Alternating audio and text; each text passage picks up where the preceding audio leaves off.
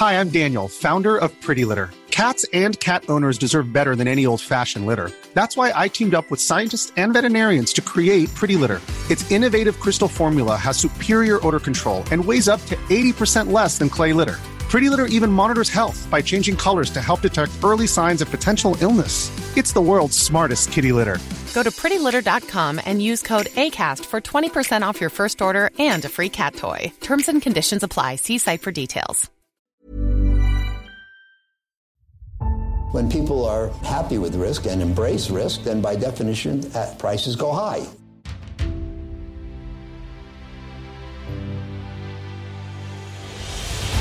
When the cycle turns down, they generally sell at prices that are far too low. This is not about getting more information. We live in a world where we have too much data. I'm uh, happy to report another stable quarter. Hallå och välkomna till Aktiesnacks nyårsavsnitt. Vi kommer sammanfatta året som gått och eh, först vill vi tacka vår ansvariga utgivare Finwire Media och även någon annan Peter. Precis, Holding som är en av poddens sponsorer och idag så vill vi berätta om den största uppdateringen av Holdings sedan lansering för nästan tio år sedan. Och den kommer lanseras då efter årsskiftet och det är fokus på snabbhet och möjlighet att bygga nya interaktiva vyer. Det är också nya jämförelsevyer, det vill säga antal ägare, fonder, eh, utländska ägare och så vidare. Och sen så är det nya trendvyer och det är kopplat till portföljer och blankningar och en då overall förbättrad användarupplevelse. Eh, och vi gillar ju Holdings väldigt mycket och använder det eh, till typ all vår research. Eh, så vi vill bara helt enkelt säga att man ska hålla ett öga på den här uppdateringen då och fortsätta använda Holdings. det ska man absolut. Eh, sen kan vi väl börja med att snacka om eh, börsåret 2023 allmänt. Och då kan vi ju sammanfatta som vanligt ett jävligt sjukt år. Ehm, det startade ju med en riktigt hatad uppgång där i januari. Jag trodde du skulle säga som vanligt ett jävligt bra år. Nej, 2022 var dåligt så det kan jag inte. Nej men det var ju en riktigt hatad uppgång i januari, man glömmer inte bort det. Men alla var ju rånegativa när vi gick in i 2023. Och eh, vi rallade ju jättesnabbt upp till 10% Och sen så har vi ännu ett exempel i år på hur jävla svårt det är att tajma index. Det finns ju ändå rätt många där ute som försöker göra det. Man ritar grafer, man kollar på historiska grejer och så vidare. Men det är ju sjukt få som lyckas och det har verkligen varit ja. en lärdom det här året. Och nu är det också så, eller det var ju så för ett år sedan, att all makrodata var ju jättenegativ. Och då är det inte heller så konstigt att de flesta blir negativa till börsen. Men jag tror att facit just nu, det är ju att Dow Jones är upp 17% i år, S&P 500 är upp eh, 25% OMXS30 är upp 17 Small cap minns jag inte riktigt, men det är också upp nu i alla fall. Det har gått väldigt bra på slutet. Jag tror att small cap Stockholm är upp typ så 10% i alla fall. Eh, så det har ju faktiskt varit ett bra år för aktier.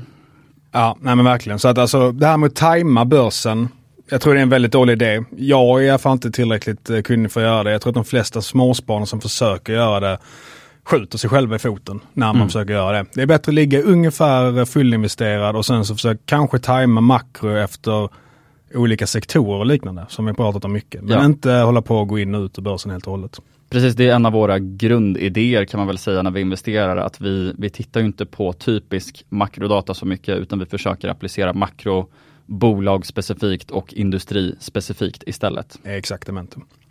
Och lite på det här du pratar om med, med uppgångarna i år. Den, den riktigt sjukaste är ju spreaden mellan eh, First North och Nasdaq 100. Alltså de största 100 bolagen på Nasdaq. Vet mm. du hur stor den är, skillnaden? Jag gissar på att den, är, den måste vara hur stor som helst, typ så här 50-60 procent. Eh, nära 65 procent. Ja jävlar ja. Alltså Nasdaq 100 är upp 55 procent i år. Och First North är minus 10, kanske minus 7 nu när vi spelar in. Och det är ju ganska uppseendeväckande för det brukar ändå vara ganska bra korrelation mellan dem. De båda gillar risk, låga räntor mm. och så vidare. Så det har ju verkligen, verkligen varit ett år då stora bolag premierats och små bolag har hatats. Så att jag tror ändå att man ser ju mycket grafer nu på Twitter. Folk är upp hur mycket som helst. Men man ska komma ihåg det att väldigt många småsparare i Sverige, de kör ju First North och det indexet är ner. Så det är nog rätt många som ligger på minus. Så att om du, om du som lyssnare ligger på minus i år så behöver du inte känna ensam. Det är nog rätt många som delar det med dig.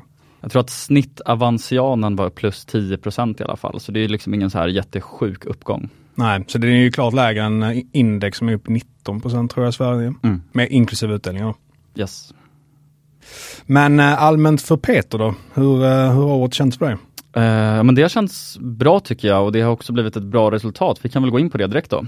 Det kan vi göra. Jag är upp 61 och hur mycket är du upp Magnus? Jag har haft en helt uh, galen december så att uh, 69% upp nu. Från att vara typ 34% i oktober. Riktigt bra. Det är typ samma här. Jag var ju plus typ 30% för två månader sedan och sen så har ju Smart gått extremt bra och även Cefello. Ja, det är lite samma för mig. Jag hade ju väldigt stor innehav i Kambi till exempel. DNB gick ut med det som ett av två pix i ESG-sektorn för 2024.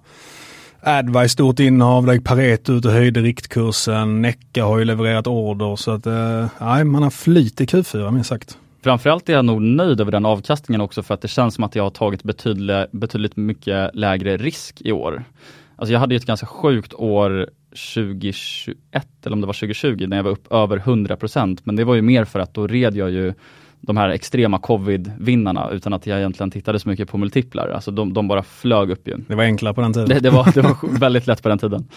Eh, men i år har jag ändå här, gjort jättemycket fundamental research, haft koll på multiplarna typ hela tiden och försökt liksom riskjustera, allokera om i portföljen etc. Så jag, jag är betydligt mycket nöjdare över årets resultat. Det kanske är det börsåret hittills för mig där jag faktiskt är mest nöjd över min process i alla fall.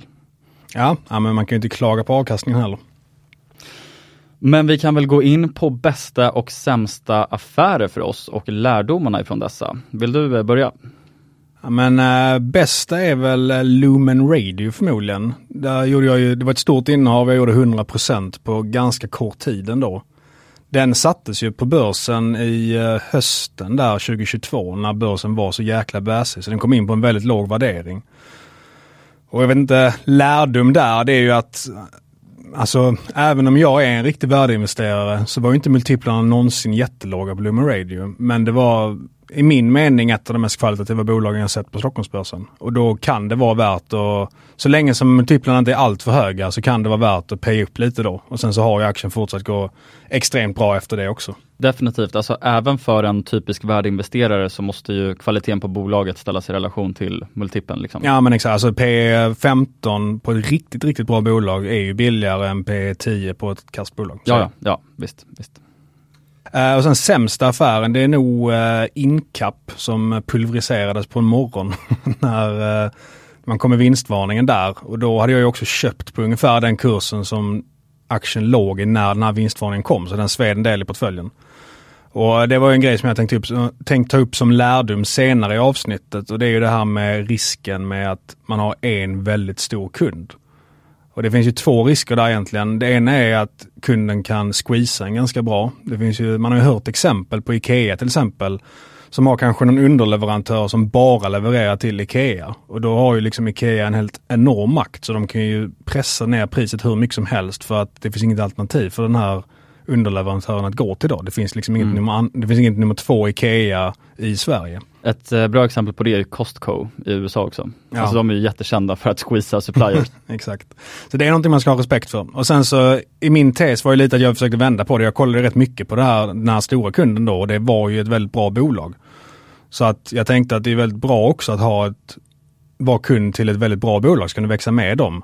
Men det här visar ju på risken med liksom enkundsberoendet och det är ganska svårt att ha full insyn. Hur det med liksom, nu var det lagernivå och mycket som gjorde att man var tvungen att dra ner på försäljningen. Så att jag har ju helt klart fått en ny respekt för att ha stort enkundsberoende. Mm. Och man, det är ju sån klassisk grej, man behöver typ uppleva det lite för att, för att inse mm. Alltså, hela caset blir ju typ ganska binärt. Och sen så tycker jag också att man kan nog bygga lite falsk trygghet för sig själv. För även om de har haft den här kunden i, säg åtta år, så tycker inte jag att det behöver indikera att de kommer ha den här kunden i åtta år till. Alltså man vet ju aldrig vad som kan inträffa. Nej, verkligen. Eh, så jag är helt med dig på det. Jag, jag ser också det som liksom en, en, stor risk som man alltid borde ta i beaktning. Nej, för där kan ju alltid grejer utvecklas. Säg att den här kunden då haft dig som underleverantör ensam, men sen så när det, blir, när det bolaget blir tillräckligt stort, då kanske de vill ha fler underleverantörer. Så mm. att inte du ska sitta med så mycket makt som underleverantör. Precis. Så att grejer kan ju förändras även om man har ett bra samarbete. Och eh, för dig då Peter? Eh, jag har nog faktiskt bara två dåliga affärer under året, det vill säga investeringar som jag har förlorat betydande summor på. Och det är Vertiseit och Hove. Och avseende Vertiseit så blir lärdomen att inte ge för mycket cred till management för att de har klarat av ganska lätta mål skulle man kunna säga. Det vill säga det som spelar roll är inte bara att ledningen har exekverat på det som de har lovat. Det spelar ju faktiskt också roll hur tuffa mål man har satt upp. Och i Vertiseits fall så såg det ut som följer att de nådde ett, ett salesmål för att de gjorde ett stort förvärv. De skulle lansera en ny mjukvaruvertikal inom dotterbolaget Dise. Det är inte heller så här ett jättestort commitment egentligen. Eh, man skulle göra ett strategiskt förvärv under 2021 och det är inte så svårt när pengar inte kostar någonting. så att det är verkligen så här Eh, och sen så hade de nog också faktiskt ett lönsamhetsmål under 2020, så det kan man väl ge dem cred för förvisso, för att det var under 2020 som var ett jättetufft år såklart på grund, på grund av pandemin. Men samtidigt så har ju bolaget varit lönsamt sedan start, så att så här, det är inte heller något jättewow att bara, ja, men vi ska vara lönsamma 2020 och sen så har man varit lönsamt varje år. Så att när man liksom radar upp alla så här commitments från management och gör en tabell på det, eh, så är det väldigt lätt att liksom bli lite blind för att oj, de har verkligen gjort allt som de har sagt och så tycker man att wow, det här är ju kalasbra. Eh, men man behöver nog också kolla lite på vad är det de faktiskt har uppnått. Så jag tyckte att jag gjorde bort mig lite där och det blir lärdomen när det kommer till Vertiseit. Sen vill jag också säga att det här caset tycker jag lever. Jag, jag gillar bolaget, eh, jag tycker grundaffären är jättestark och så vidare. Men kortsiktigt så gjorde jag bort mig lite där. Sen så har vi också ett gemensamt innehav här, eller före detta gemensamt, och det är ju Hove. Och där kanske du kan börja, för jag tror att vi har lite annan syn på take på vad som hände. Ja, för, för, för, du kommer ju bara säga att man inte ska lita på danskarna. det var faktiskt en av mina punkter. som man ska ta med sig under året. Nej men där var det ju, det såg extremt billigt ut. Mm. Uh, sen så kom ju insidersälj och marknaden gick ner så jag sålde majoriteten av mitt innehav innan den här mm. konstiga vinstuppjusteringen och sen vinstnedjusteringen skedde. Men eh, jag har faktiskt lite roliga exempel där. Jag har en bekant som jobbar på en eh, nordisk bank. Och då jobbar de mycket med finnar, danskar, norrmän och svenskar. Och eh, hon säger att när det kommer till business så är danskar helt störda i huvudet. och bara ljuger rätt upp och ner i möten. Och liksom så, sen blånekar de efteråt till att de har ljugit trots att man typ har det på mail och papper och allting så här låg integritet. Ja men verkligen, de gör liksom business på ett speciellt sätt och det är liksom så kulturen någonstans där att det liksom är okej okay att ha vassa armbågar och försöka gagna sig själv så mycket som möjligt. Och jag pratade med en annan kille också som 99% av poddlyssnarna nog känner till som sa att han kände också någon som jobbade på en stor nordisk bank och han berättade då att eh, när det är liksom de här ledningsmötena då kommer alla olika delar, alltså finnarna kommer med ett förslag, danskarna kommer med ett förslag och så vidare. Och sen bestämmer de ju en gemensam lösning. Och då går svenskarna iväg och gör det som bestämts, norrmännen och finnarna likadant. Och danskarna går iväg och gör det som de själva föreslog. så att eh, jag har ändå fått en ny respekt under året definitivt för att investera i Danmark. För det känns som att liksom, ja, är det någonstans du inte riktigt ska lita på management mm. så är det nog Danmark. Alltså jag har tänkt lite på det där och jag tycker att argumentet att så här, danskar har låg integritet typ så här, känns lite konstigt och lite svagt. Typ. Men när det kommer till Hoves Investor Relations till exempel så har ju den varit under all kritik. Och jag tror att det kan grundas lite i att Danmarks aktiemarknad generellt är så liksom längre bak i tiden än Sveriges. Det vill säga att så här, jag tror inte man riktigt räknar med att saker ska plockas upp så som om du missar en grej i en rapport. Alltså så här, det blev ju typ bara uppdagat alltså i vår podd och på svenska finans-Twitter och liksom i Danmark tror jag typ inte att det blir en grej. För att de har så lite finansmedia, de har ganska lågt intresse generellt från småsparare så att jag tror så här jag tror inte att Investor Relations tas på lika stort allvar i Danmark. Eh, just av de anledningarna. Alltså det är bara en teori jag själv har byggt upp. Ja, men det kan vara en poäng och jag tror att skattesystemet eh, är ju lite indikator där. De har ju en sjuk beskattning där du kan beskattas på orealiserade vinster. Mm -hmm. Alltså om ditt innehav ökar under vissa omständigheter så måste du betala skatt även om du inte har sålt. Så då måste du ju sälja aktien för att kunna ha pengar till att betala mhm. skatten. Mm. Och sen är kapitalskatten liksom i grunden jättehög jämfört med då ISK i Sverige som är hur bra som helst. Så jag tror att det kan nog påverka lite incitamenten att vara en småsparare för att även om du tjänar bra så kommer staten ta rätt mycket av dina pengar. Mm. Jag har i alla fall också sålt allt i Hove kan jag vara transparent med och jag sålde ju för att jag trodde att aktien skulle tappa momentum fullständigt för det här, eh, de här insiderförsäljningarna kopplat till att guidance först höjdes och sen sänktes då och så såldes det däremellan. Eh, det blev en ganska stor grej på Twitter och jag tyckte också att det blev lite missförstånd. Alltså det var ju folk som skrev att de typ hade vräkt ut massa aktier fast de typ tjänade tre månadslöner tillsammans och så vidare. Så att jag tyckte inte det var en jättestor grej egentligen faktiskt, men jag kan verkligen förstå varför aktien kommer ha dåligt momentum framåt. Och sen så rapporterar de ju också halvårsvis, så vi får ju också vänta ganska länge innan de förmodligen då kommer med ny betydelsefull information. Så jag tror att sentimentet kommer vara kast och sen så är det lite för många IR-plumpar nu för att man liksom typ ska ens orka ha med det bolaget att göra.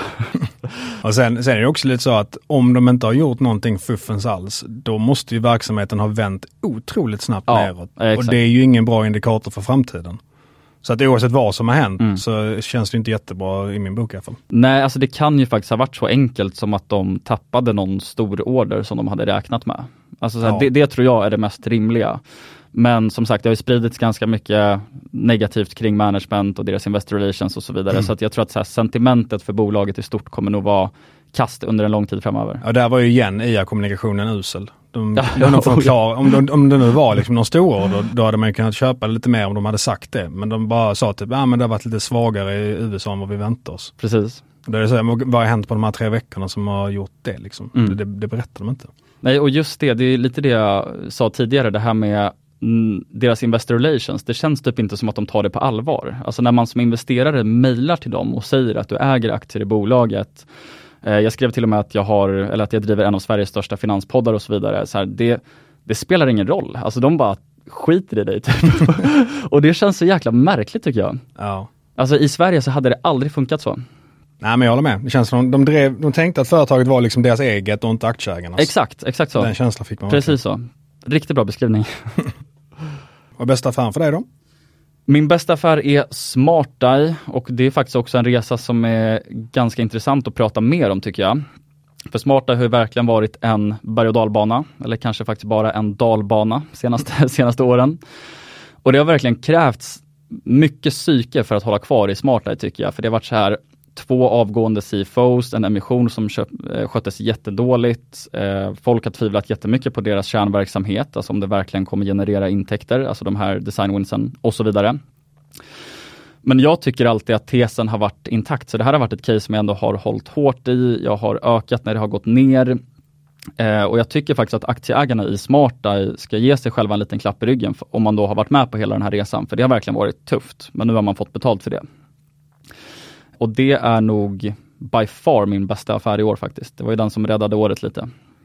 Här är det också intressant att diskutera hur eh, pris då förändrar sentiment. Alltså jag har ju väldigt många gånger under året lagt fram caset och argumenterat för saker såsom att kapitalallokering för resultat och balansräkning är två olika saker. Det vill säga att man inte borde se Smarteye som ett skitbolag bara för att en emission då var kast utförd att man inte borde ta för hårt på att CFOn Anders då avgick för att han faktiskt ägde väldigt mycket aktier och fulltankade sig i emissionen. Det tyckte jag var ett jättesignalvärde, att han fortfarande tror på bolaget. Men alla de här liksom bullargumenten upplever jag inte har bitit på någon när jag har pratat om SmartEye. Alltså det har alltid varit så här att folk, det, det har varit lite som att prata med en vägg typ. Att folk bara så tänker, nej men det där är inget bra bolag och så har de inget argument till det. Och det där är så jäkla intressant att så, här, så fort en aktie blir så utbombad, så bara intresset bara försvinner. Det är, det är så jävla svårt för folk att bara ändra tes och faktiskt se möjligheter. Vilket är så paradoxalt, för det är så här, det är då det kan finnas extrema möjligheter såklart. Nej, pris leder verkligen sentiment där. Verkligen. Det, men det är också en intressant grej där, för jag tänkte ta upp det lite som en av anledningarna till min portfölj klarat sig ganska bra. Och det har varit att när det väl har kommit någonting dåligt i bolagen så har jag sålt direkt. Och det har ofta varit liksom kanske 20% ner på en dag och det har varit ett väldigt bra sälj, för sen har det fortsatt ner efter det. Och jag tror, alltså som generell regel är det ganska bra att göra det, för att ofta så är det liksom den här cockroach-teorin som mm. Paul Tudor Jones har sagt att är det någonting där som kommer fram som är dåligt, då kommer det ofta fler grejer sen. Och det har vi sett i andra bolag, Hexatronic och så vidare. There is never one cockroach in the kitchen, eller vad säger du? Ja. så att, eh, för jag har åkt på rätt många smällar i år, ovanligt många. Det har ju varit rätt många bolag som har gjort överlag på småbolagslistan. Men med det du säger också, man ska ju komma ihåg det att bara för att det kommer liksom en nyhet som skickar ner aktien så betyder inte det att du ska sälja. Jag tycker i mina fall så har jag sålt och då har det varit rätt beslut. Men det finns ju de gångerna då också när det går ner helt obefogat. Och jag vet till exempel eh, ett bolag vi inte pratat om någonting, men jag känner några som ägde Truecaller, gick ner 35% på sin rapport och då var det tydligen bara att annonsprismarknaden liksom hade gått ganska dåligt i Indien medan bolaget tuffade på bra och så gick ner 35% på det. Och då köpte de ju på den nedgången. Och lite som du pratar om med SmartEye, går det ner liksom på en obefogad grej, då är det ofta väldigt bra köpläge. Så det är jävligt mm. svårt att veta om det är bra läge att köpa eller bra läge att sälja. Generellt skulle jag säga att det är bäst att sälja, men du måste verkligen alltid tänka efter och inte ta några emotionella beslut där. Mm. För det kan vara ett jävligt bra köpläge också. Och det bästa tycker jag när en sån grej inträffar, om vi tar SmartEye som exempel igen, det är ju när aktien faller man märker att sentimentet kretsar mycket kring en specifik händelse som man typ själv känner bara, okej okay, men det här är missförstått. Det är ju riktigt nice, för då känner du så här, det här är ett köptillfälle för mig. Om vi tar då Seaphone igen i SmartEye som då avgick, men fortsatt ägde jättemycket aktier och fulltankade sig emissionen. Så här, uppenbarligen är han fortfarande bullish på bolaget. Alltså han avgick ju inte för att han inte trodde på bolaget. Ändå var narrativet att shit, det här är inte bra. CFO avgick, det är alltid skitdåligt om en CFO avgår. Och det är en så här typisk nice informationsnugget tycker jag, där, där du verkligen kan typ känna dig rätt trygg i att du har grävt fram någonting där du kan hitta lite edge och förmodligen köpa liksom billiga aktier. Ja men jättebra poäng för att det, det sättet att tjäna pengar på marknaden är ju lite att man har en avvikande tro. Mm. Och det är på så sätt det kan bli så att prisförändringen kommer dit du tror att den ska komma för bolaget går så som du tror och inte så som majoriteten tror. Exakt. Så att eh, jättebra beskrivning på det verkligen. En annan sak som jag vill lyfta med SmartEye, eh, som jag också tycker att fler liksom borde, borde tänka lite i den banan, det är att jag ser ju faktiskt SmartEye Alltså även fast det var min bästa affär på året så ser jag det också som kanske min största miss på ett sätt. För jag tyckte att läget var så fruktansvärt bra innan Q3-rapporten. Jag tror att aktien stod i 42 kronor, nu står den i 90 och jag liksom kände bara fan det här är typ årets läge och ändå så viktar jag bara upp smartare till 18% av väskan. Och det, det, är väl lätt idag med så här hindsight bias, liksom. nu står den i 90 och säger så här, jag skulle köpt mycket mer, självklart. Men även om jag försöker justera för det så tycker jag att det faktiskt var rätt dåligt av mig att jag inte tog större size. Alltså så här, även din bästa affär kan ju samtidigt vara en miss. Liksom. Det är väl lite det jag vill säga, att så kan man analysera sina affärer bakåtblickande också. Verkligen, jag håller med helt. Uh, har du några andra grejer från portföljen som är värda att ta upp då? Jag tänkte faktiskt att jag ska dela med mig av hur portföljen ser ut. Vill du vara med på det eller? Ja men det låter jättekul. eh, och just nu så har jag Cefello som största innehav. SmartEye, därefter Norbit Nelly som jag aldrig har pratat om i podden. Jag tänkte ge en liten hisspitch på det caset idag faktiskt. Mm. Och sen Stockman och sist HelloFresh. Så sex bolag, eh, de liksom, eller nu nämnde jag alla liksom från störst till minst i portföljen och det är den portföljen som jag går in i 2024 med. Yes, jag har inte riktigt eh, förberett det så jag tar upp lite min eh, Nordnet här och kollar vad jag har. men, men jag tror allmänt lite inför 2024 så tycker jag man kan säga lite på Kitron och Note och lite olika konjunkturindikatorer att det kanske inte är verkstadsbolag som är det allra bästa att ligga i nu. Utan jag har fokuserat mycket på att ha bolag med starka orderböcker som bara på befintlig orderbok kan leverera bra 2024 som typ Necka och Cambio och så vidare. Så jag har faktiskt minskat ner antalet innehav lite. Jag brukar ligga på 10 15. Nu har jag 9 eh, och de är Neckar som är ett av de största. Tagmaster som är en av anledningarna till att det har gått väldigt bra i år. Det är ett bolag jag inte har lyft i podden för att vi inte lyfter den typen av storleksmässiga bolag. Det är typ 200-300 miljoner market cap. Eh, sen eh, Kambi, Betsson, Sensoskatsu, Duni, Ham Hammond Power Solutions är också ett bolag som har gått otroligt bra i år som har gett mig bra avkastning som jag heller inte har tagit upp i podden. Och sen har vi Norbit och Advice. Så det är mina av just nu i alla fall. I storleksordning eller?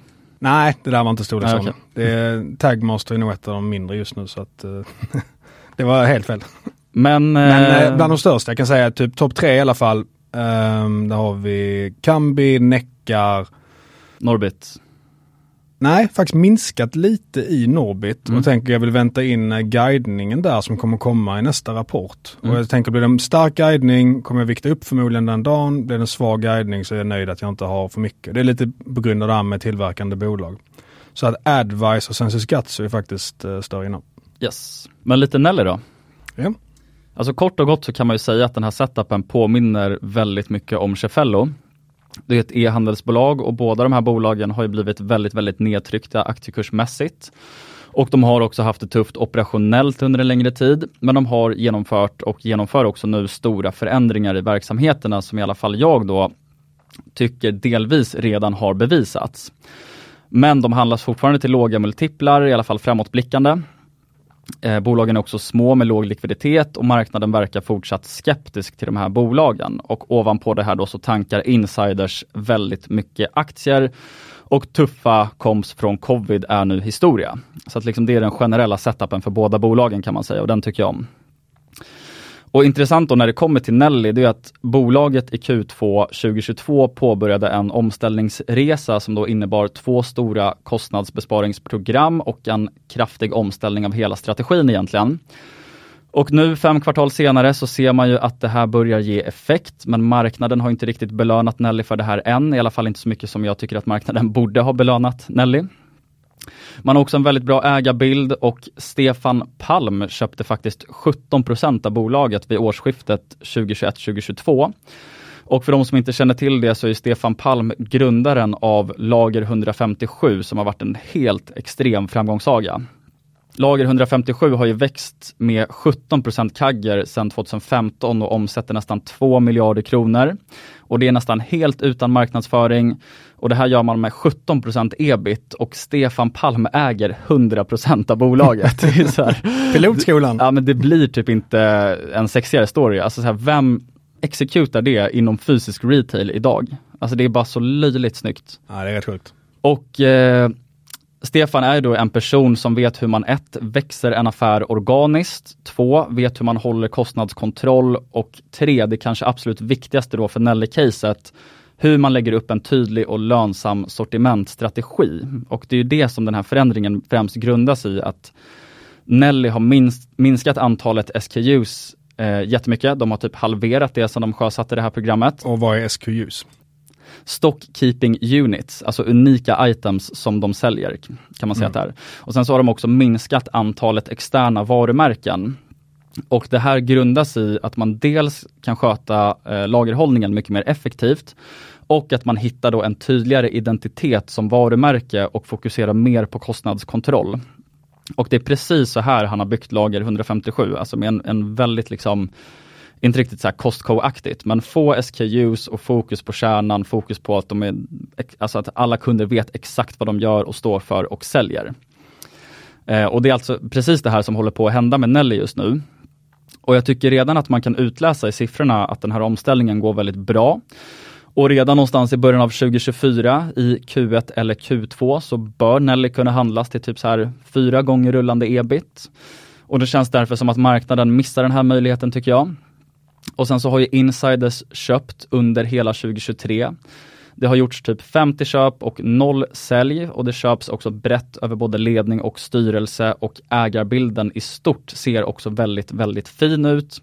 Vi har Right Ventures som största ägare med 28% av kapitalet, Stefan Palm med 17% och Mandatum med 10% Och totalt insiderägande enligt Holdings är nu 47 och sen blev väl Nelly också, blir de en vinnare på att, eh, det kanske inte har koll på, men att dollarn har försvagats? För jag tror att rätt mycket retail har det, man köper in textiler i dollar och sen så säljer man i Sverige. Så att det borde kanske kunna vara också. Det är väl inte det, är väl inte det som driver caset, men eh, ändå en liten krydda kanske. Eh, ska vi gå in på lite lärdomar under året? Ja, men det kan vi göra. Vi har faktiskt halkat in på flera av dem redan. Jag litar inte på danska. Flera av dem. Men jag kan ta skuldens uh, betydelse. Mm. Och där har vi sett i år hur det har varit liksom bolag som straffats enormt hårt på börsen för att man har för mycket skuld helt enkelt. Och det har liksom varit ofta rädslan för nyemission som har gjort att aktien åker ner jättemycket och sen så gör den väl nyemission och då måste kursen vara jättelåg och så blir det jättemycket utspädning. Och det var någonting vi, vi har pratat mycket om sedan vi startade podden egentligen. Och jag tycker Snåljåpen skrev en ganska bra grej där att om bolaget har bra kapitalallokering och EV 10 då är det bättre att man har nettokassa än att man har mycket skuld och EV 10. Medan det känns som många kollar bara på vad själva vinsten blir och tänker att ja, men den där kassan den räknar man inte med egentligen. Mm. Vilket jag tycker är helt fel. För att visst, det kanske är så att det skuldtyngda bolaget har en högre vinst. Men risken är ju mycket, mycket högre. Och det måste man ta in i kalkylen. Så därför borde värderingen vara lite annorlunda. Och vi har ju sett via Play, Hexatronic, SBB hur det kan gå när det är för mycket skuld. Så att det är någonting som alltid är värt att ha med sig. Och det är inte bara i svåra tider man ska fokusera på det här utan även gärna i bra tider för att när det vänder så vänder det ofta snabbt och då kommer de här skuldtyngda bolagen bli väldigt straffade. Har du någon take där Peter? Eh, på den grejen? Nej, jag tänkte får allmän take. Eh, Allmän lärdom. Ja men vi har ju redan pratat om det här med att ingen kan förutse vart marknaden ska. Eh, Men jag tänkte också lyfta att ändra åsikt bör ju ses som en styrka snarare än en svaghet. Vad säger, Helt, vad helt säger du om rätt. det? Mm. Det, är, det är många, alldeles för många som har svårt med det. Det är väl lite mänsklig natur. Men det är väldigt, väldigt viktigt att kunna göra det på börsen. Och när man kollar på typ Stanley Druckenmiller och liknande så är ju det en av hans styrkor genom historien. Att han har varit väldigt snabb på att flippfloppa mellan köp och sälj och kunnat ändra åsikt liksom på en femöring. Och jag vet den här eh, Market Wizard-serien är ju väldigt populär och där tar de ju fram det som en av de viktigaste egenskaperna för bra traders då, men det gäller ju investerare överlag. Att man väldigt snabbt kan byta åsikt totalt och inte liksom ha några känslor attached till aktier eller din tes. Och hur ska man bli bättre på det då tycker du? Eller tror du? Det gäller ju att ha- liksom ha koll på sina känslor. Alltså man ser ju framförallt när det kommer till SBB och liknande, folk blir helt vansinniga. Men ta liksom informationen och kolla på det neutralt. Försök inte ha några känslor kring det här. Har du känslor, då har du förmodligen förlorat. Så att det är verkligen viktigt att kunna separera på din känsla kring någonting och kunna se objektivt på det. Och det, är, det är lättare sagt än gjort, men är man medveten om det här i huvudet hela tiden när du kollar på bolaget, det är väl sättet att bli bättre på det. Jag tror ju också att eller man, man har ju väldigt många biases som jobbar emot den där. Alltså du har ju du har confirmation bias. Eh, jag har inget namn på det, men du vet det här att man har förlorat och ligger minus i, i sin depå och så typ så här automatiskt tänker du att det är billigt till exempel. Ja, anchoring och... Ja, an- anchoring exakt. Och sen så har du också sunk cost fallacy, det vill säga om du har gjort eh, liksom lagt ner x timmar på ett bolag så har du någon typ av så här personlig investment i det bolaget, vilket gör att du mer sannolikt då kommer vara typ så här känslomässigt förankrad till det. Och jag tror att bara genom att liksom läsa om de här biases och, och mänsklig psykologi helt enkelt, så blir du mer medveten om det och det tror jag hjälper jätte, jättemycket. För ibland kan man ju faktiskt applicera det om du typ så här kollar på din depå, så kan du tänka så här, alltså, ha, har du de här mentala modellerna i bakhuvudet, jag är helt övertygad om att det kommer hjälpa dig ta bättre beslut. Verkligen. Och det är kanske en av de enklaste grejerna också att bli en bättre investerare för att det kanske är, det är knepigt att förutspå hur vinsten kommer att vara två år framåt. Det krävs väldigt mycket kunskap. Men just de här psykologiska biasen, alltså läser du en bok och verkligen tar åt dig det, har dem i bakhuvudet, då kommer det hjälpa dig otroligt mycket utan att du lägger jättemycket tid på det. Absolut. Och jag tänkte också koppla in Cefello här igen. För när det kommer till att ändra åsikt så var jag faktiskt väldigt skeptisk till Cefello initialt i år ju. Det har vi pratat om lite tidigare. Men jag ändrade åsikt fullständigt där efter deras Q2 tror jag och sen så blev ju faktiskt det min näst bästa affär i år. Eh, Så det är väl bara ett kvitto på att så här, ja, alltså att ändra åsikt kan vara bra i alla fall. Ja, men 100%. Det, det är bara en datapunkt så det är ingen så här statistisk signifikans på det. Men en bra idé tror jag också är den här modellen Strong Opinions Weekly Held. Det vill säga att du, så här, du, kan, du ska ha starka åsikter, du ska våga agera på dina, dina slutsatser någonstans. Men du ska liksom inte gifta dig med dem. Det kan vara så att du har en stark åsikt men du har den kortvarigt. För när, när det kommer någonting som förändrar det fundamentala, då ska du ändra dig helt enkelt. Nej men eh, om jag själv ska dra en referens till det så har vi till exempel Necka som jag sålde, tror det var 2022, lite förlust då från att jag hade köpt den. Men har ändå liksom fortsatt ha koll på bolaget hela tiden och det är ju väldigt bra att inte släppa ett bolag bara för att du just där och då tycker att det inte ser ut så som du vill. För sen så i år så har det gått till ett av mina absolut största innehav och det är för att liksom själva caset har ändrats fundamentalt i grunden i min mening. Så det är verkligen viktigt. Släpp inte case, håll inte i dem bara för att du har investerat i dem. Utan liksom fortsätt hela tiden och objektivt kolla på dem. Hur är läget just nu och kunna hoppa in och hoppa ur aktier beroende på vilket läge det är. En annan bra modell det är också det här, hade jag köpt aktien igen om jag hade fått sätta ihop min portfölj helt på nytt? Den tycker jag funkar faktiskt förvånansvärt bra. Alltså det kanske låter lite larvigt, men bara liksom att, att tänka i de banorna, då tycker jag ofta man får lite kvitto på så här, jo men jag hade nog faktiskt köpt det här bolaget med typ samma size igen. Och då har du ju typ bekräftat din egen conviction på något sätt. Ja, definitivt.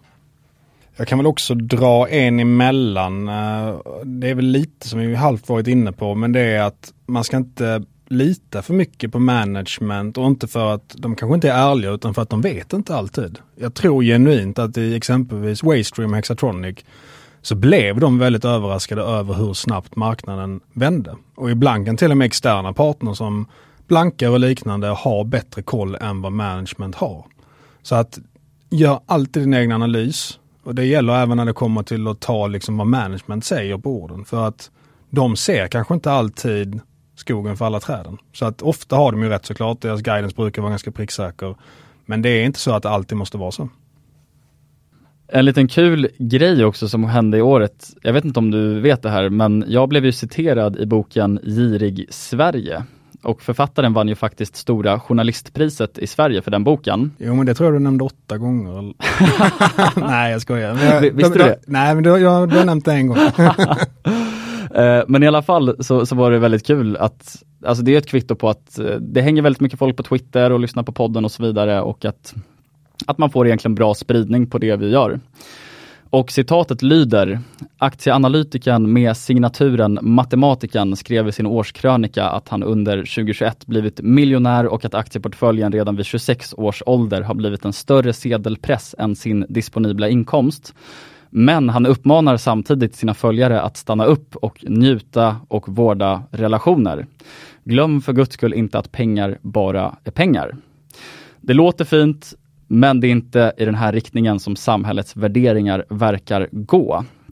Och förankrat i det här så har det skrivits ganska mycket senaste dagarna på Twitter om så sparande kontra livsnjutare. Typ. Det har blivit en liten debatt. Så jag tänkte bara bolla över den här till dig, för din portfölj börjar bli jävligt fet.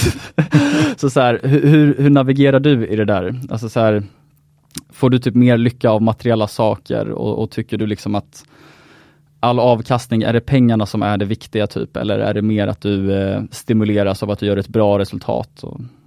Ja, men jag, jag är mer tävlingsmänniska som stimuleras av bra resultat. Jag, min klocka är en Fitbit som kostar 1200 och jag har ingen bil och liknande. Så att jag har alltid varit en ganska sparsam person och det, det, är nog viktigt det här att man fokuserar mycket på den mentala grejen och liksom vilka tankemönster du har och så vidare och meditera, kanske köra lite yoga. För att det är mycket viktigare hur det står ställt inne i ditt huvud mentalt än din materiella tillvaro. Och det är ju verkligen någonting som är 100% sant. Så att jag tror att de här som bara jagar efter en boll och sen så när de väl kommer fram till den så inser de att oj, det är ju exakt likadant som innan. Mm. Då väntar bara tummet och besvikelse kanske. Så att liksom träna verkligen på att vara tacksam för det du har i nuet. Det försöker jag göra varje dag. Och det är mycket viktigare egentligen än avkastning. Men du har väl till och med en strukturerad process för liksom så här att, att tänka på vad du har? Exakt, jag sitter varje kväll på min balkong med ett litet Word-dokument och läser grejerna som jag är mm. tacksam över livet. Och det tror jag har hjälpt mig mycket. Liksom, vissa föds ju med jätteglada hjärnor naturligt. Jag är mer en analytisk, eh, rationell kille som inte har gjort det. Så jag, jag behöver lite de här grejerna för att liksom eh, inte bara snurra runt i mina egna tankar hela tiden. Och jag tror att det är någonting som många hade mått bra av att göra själva. Precis, och får man lite kontakt med sina känslor där så kan det också bli lättare för dig att uppskatta processen bakom att handla aktier, eller hur? Ja men definitivt. Eh, för jag tänker att om du inte hade gjort så, då kanske du liksom hade gått runt och funderat lite på så här, ja, men vad är det egentligen som gör mig lycklig? Vad är det som är värdeskapande på riktigt i livet? Och så kanske man bygger upp typ en underliggande känsla av att typ så här, börsen inte är det. Men om du verkligen sitter och fokuserar på så här vad, vad du är nöjd över, vad du tycker är kul och upptäcker att jo men jag tycker att aktiehandel är jättekul, ja, men då kanske du har ett, ett större driv för det helt enkelt som du kan bibehålla. Nej men det är, det är en av de konstigaste grejerna jag kan se ibland på Twitter och som är väldigt vanligt. Det är det här med att oh, om du nu har massa pengar, varför gör du si eller så då?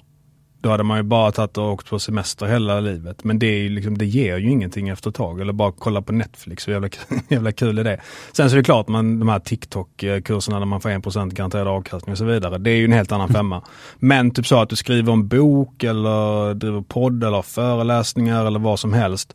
Bara för att du är rik så slutar du inte jobba. Det finns ju liksom ingen som har gjort det som är någon av de stora. Warren Buffett, Munger, alla de jobbar till sin död. Jag tror att det var en stor anledning till att de blev väldigt gamla. Eller, ja. Verkligen. Det är för att de har haft liksom ett driv och en, ett syfte och en mening i livet långt in på sista åren. Och har du inte det, då liksom, ja, då tvinar man bort lite.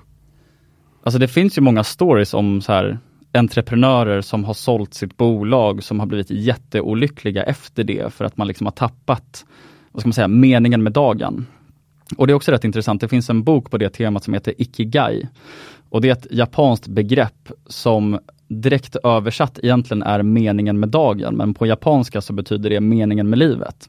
Så att japanerna ser ju en meningsfull dag som meningen med livet, vilket jag resonerar ganska starkt med. Och jag, jag tror precis som du touchar på att så här, du måste gilla processen. Och för att koppla det till börsen så kan det nog vara rätt klokt att fundera på vad man själv tycker är intressant på börsen. Att du förankrar din investeringsstil med vad du faktiskt går igång på och tycker är intressant. Det kanske inte är liksom verkstadsbolag eller att du ska handla råvaror eller valutor eller whatever. Du kanske tycker att techbolag är superintressant eller så tycker du att svensk industri är superintressant och för att du ska ha ett långsiktig, en långsiktig bra process och vara långsiktig på börsen och kunna utvecklas hela tiden. Då tror jag att det är ganska viktigt att man så här, är transparent för sig själv och erkänner för sig själv vad man tycker är kul och intressant. Och då tror jag också att avkastningen faktiskt kan bli bättre. Men det är en intressant poäng, för jag tänkte faktiskt i början på året att jag skulle försöka ge mig på lite så här breakout trading. Alltså de här uh, Jim O'Neill och vad heter han nu som, uh, ja, jag kommer inte ihåg vad han heter, skitsamma. Uh, Kullemjäger, jag håller också på med det på Twitter och liknande. Och jag vet inte om det hade kunnat öka min avkastning, men jag kände att det var inte riktigt för mig att sitta och skanna grafer och bara kolla på det hela dagen mekaniskt, exakt samma sak. Jag gillar ju det här pusslet där man liksom kollar på hundratals bolag, hittar det som jag tror kommer gå bäst och sen så investera i det. Så att liksom på grund av det så har jag inte utforskat om det liksom hade gått bättre med den metoden. Jag vet ju såklart inte. Men det är för att jag har en metod som ändå hittills har gett um, okej okay avkastning och jag trivs väldigt bra med den. Mm. Så att det, det, är någonting som är viktigt att ha med sig. Mycket klokt Magnus. Mm, absolut. Men uh, då kanske vi ska gå in på min uh, punktlista här. Jag har lite grejer så får Peter betygsätta hur rätt de här utmärkelserna är. Jag har lite årets så kallade. Så vi kan börja med årets eh, failure. Och där har jag Ilja Bataljan som lyckades lura in över 300 000 småsparare med osanningar om utdelning som skulle höjas i 100 år men det slutade med fiasko och Ilja tvingades avgå med svansen mellan benen. Skammen han förhoppningsvis känner är välförtjänt. 8 av 10 eller vad, vad ska jag säga? Ska jag, ska jag, säga en siffra eller vad ska jag ja, säga? Ja, du ska säga 1 till 10. 8. Gärna 9 där, men okej. Okay. Mm. Årets makroekonom och där tycker jag vi har eh, Jonas Thulin på Erik Penser Bank och vi har ju haft ett år där det varit väldigt mycket makrotyckare som haft en stor röst för att makro varit väldigt eh, viktigt i år och de är nästan alltid negativa av någon anledning. De är alltid lite bittra, lite bittra. De har nästan alltid fel också. Exakt. Och eh, där har ju till skillnad från dem Jonas Thulin, han är ju en sån som följer data jättemycket, dataserier som visar att ekonomin fortfarande går starkt och därför har han varit positiv till börsen vilket 100% har varit rätt i år. Sen kanske inte han haft rätt om allting, men han har haft rätt i det viktiga och det är ju hur börsen kommer gå. Så att nu kommer ju Tullebullen gå till AP-fonden och förmodligen inte vara lika frispråkig och kunna utbilda en om makro och liknande, vilket är väldigt synd. Men han får i alla fall utmärkelsen Årets makroekonom med mig. Ja, han får nog högre lön också. Det får han definitivt. Eh, jag ger det här 9 av 10. Ja, men snyggt. Och det är faktiskt för att jag gillar extremt mycket independent thinkers som inte bara följer strömmen. Ja, och det är han ju verkligen. Precis.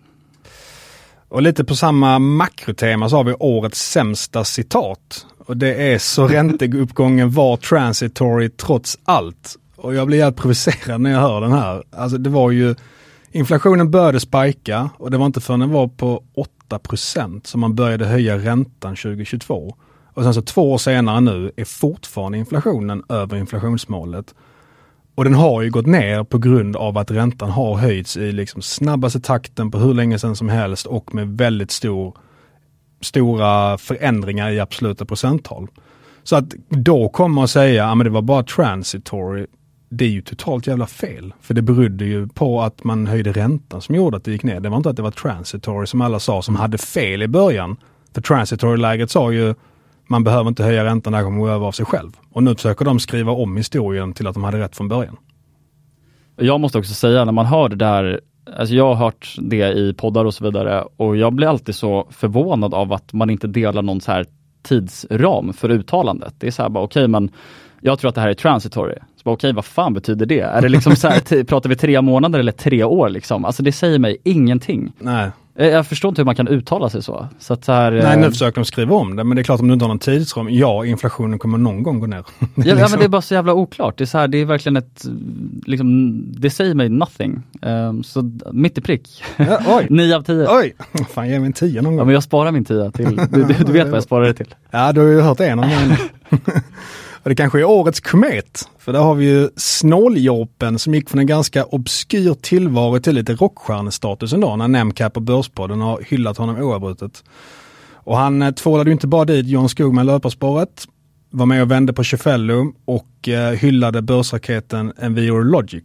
Han har även varit Peters stora idol under året.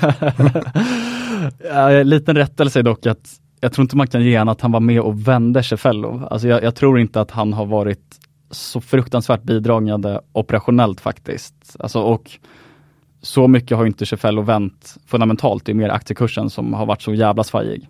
Men jag kommer ge det här 10 av 10. Ändå, så den enda du kritiserar var 10? Och, och där har jag, vad sa du? Så den enda du kritiserar ger du 10? Ja. Den enda jag kritiserar? Jaha, ja, ja, ja, ja men den enda du hade någon invändning mot. Eh, och på tal om Olle så måste jag också Eh, berätta en ganska rolig grej kopplat till hur mycket cred han har fått också.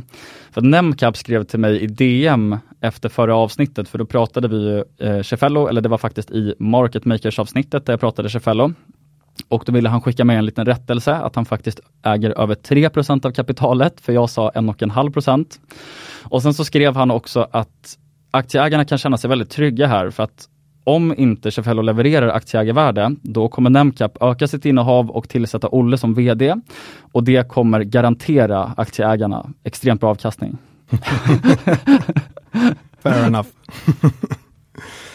och sen har vi nästa, håll den kort, årets blankare Viceroy med socionomen Fraser Paring i eh, förarsätet som blankade SBB Hexatronic som var otroligt älskade men han fick ju 100% rätt där och det har gett mig mer respekt för hårt blankade bolag helt enkelt framöver. Jag får ge det där en sexa för jag har faktiskt dålig koll på det där själv. Ja, ja men då är det fair enough. En sexa i La Gazzetta della Sport är ändå okej. Okay. Årets eh, poddstjärnor, eh, du och jag. Men efter år då olönsamma skitbolag har hyllats så har ju nu verkligen kvalitetsaktiepodden och värdeinvesterare fått lite upprättelse och jag misstänker ändå att de tre herrarna sitter kanske i Linköping, smuttar på en glögg och njuter lite när de ser liksom kursgrafen på Sinch, Embracer, BOG medan de skrockar om sunt förnuft, hälsosamma balansräkningar och kanske till och med tänker the world has healed. Och ibland får de nog höra att de är lite tråkiga faktiskt. Men det är en sån här miljö som de faktiskt får upprättelse, precis som Exakt. du säger. Tråkbolagen har blivit populära. Exakt. Så vad ger du där? Ja, men de får fan en tia alltså. oj, oj, oj, snyggt. Och sen så har vi äh, sista. Årets sämsta vd. Och det har varit halvhård kamp men den vinns ju ändå på knockout av Viaplays vd. Och då har vi pratat rätt mycket streaming och jag tycker att det är ett rätt sjukt beslut av via Play att ge sig in i streamingkriget och tro att de liksom ska bli något nytt Hollywood och att folk ska köpa via Play för att man ska se någon svensk B-serie som de har skapat. Det är inte därför du har via Play. Det är ju för att du ska kolla på Premier League eller liknande. Och sen han tog över så har man gått 2018 med en miljard i vinst per år till att nu nästan gå i konkurs och kursen har gått från 500 till 2 kronor. Så det har ju verkligen varit ett totalt kapitalförstöreri och extremt jävla dåligt jobbat. alltså rent businessmässigt så fattade jag aldrig heller det där att man kunde faktiskt ta upp kampen inom streaming när det uppenbarligen behövs så sjukt mycket kapital och stor skala och även så här om de har någon typ lokal kännedom eller ett bra brand i Norden, så, så här, de kommer ändå konkurrera mot HBO och Netflix. Och när det kommer till sportdelen, ja men då är det faktiskt en konkurrenssituation om att köpa rättigheter till content som andra skapar. Och så det kommer bara bli så här liksom price war och det kommer inte heller vara bra för marginalen. Så så här, jag har alltid inte uppskattat det caset. Och det var ganska hypat för typ så här tre år sedan. Jag har för mig att det var rätt så stora förvaltare som köpte det och pratade gott om det. Ja men det var, då, det var då streaming var ju så jävla hett. Jo, jo men så här, folk, folk tänkte inte på konkurrensbilden alls känns det som.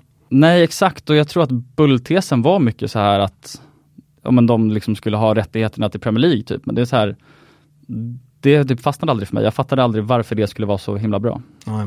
Så jag känner att det luktar 8,5-9? Det luktar, eh, ja men det, det här är 9. Woho! Fan, bra snitt på mig ändå.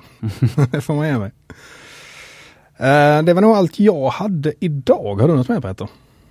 Jag tänkte faktiskt egentligen också bara säga tack. Stort tack till dig Magnus och till alla lyssnare och uh, ett grymt år får man säga. Ja men uh, right back at you Peter. Tack till dig och tack till alla lyssnare. Utan er hade inte varit någon podd. Och jättekul att vi har väl dubblat antalet lyssnare i år ungefär. Mm. Så eh, stort tack för det. Lycka till under 2024 och så åker jag till eh, Thailand i en månad nu men vi kommer ha en riktig banger-premiär nästa avsnitt där kvalitetsaktiepodden är här. Det är redan inspelat i avsnittet och jag tycker det blev jävligt bra så att det vill man definitivt inte missa. Precis, det är nog eh, det önskemålet vi har fått mest. Att så här, vi ska podda tillsammans som kvalitetsaktiepodden. Så det ska bli väldigt kul att få publicera det och sen så har vi även en intervju med värdeinvesteraren, en gammal Twitter-legend som inte har så mycket närvaro just nu. En OG som var med och drev Game of Stocks back in the day. Precis, och han har varit analytiker på Redeye också i några år. Så att eh, de två avsnitten har vi att starta med i januari. Suveränt. Så med det säger vi lycka till 2024. Ha det underbart allihopa och njut av det nya året. Ciao, ciao! Ciao, ciao!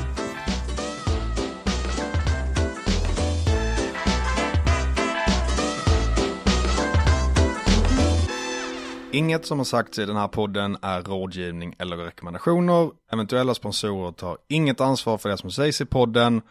Gör alltid en egen analys och alla aktier är förknippade med risk. Imagine the softest sheets you've ever felt. Now imagine them getting even softer over time. That's what you'll feel with Bowl and Branch's organic cotton sheets. In a recent customer survey, 96% replied that Bowl and Branch sheets get softer with every wash. Start getting your best night's sleep in these sheets that get softer and softer for years to come. Try their sheets with a 30-night guarantee. Plus, get 15% off your first order at bowlandbranch.com. Code BUTTERY. Exclusions apply. See site for details.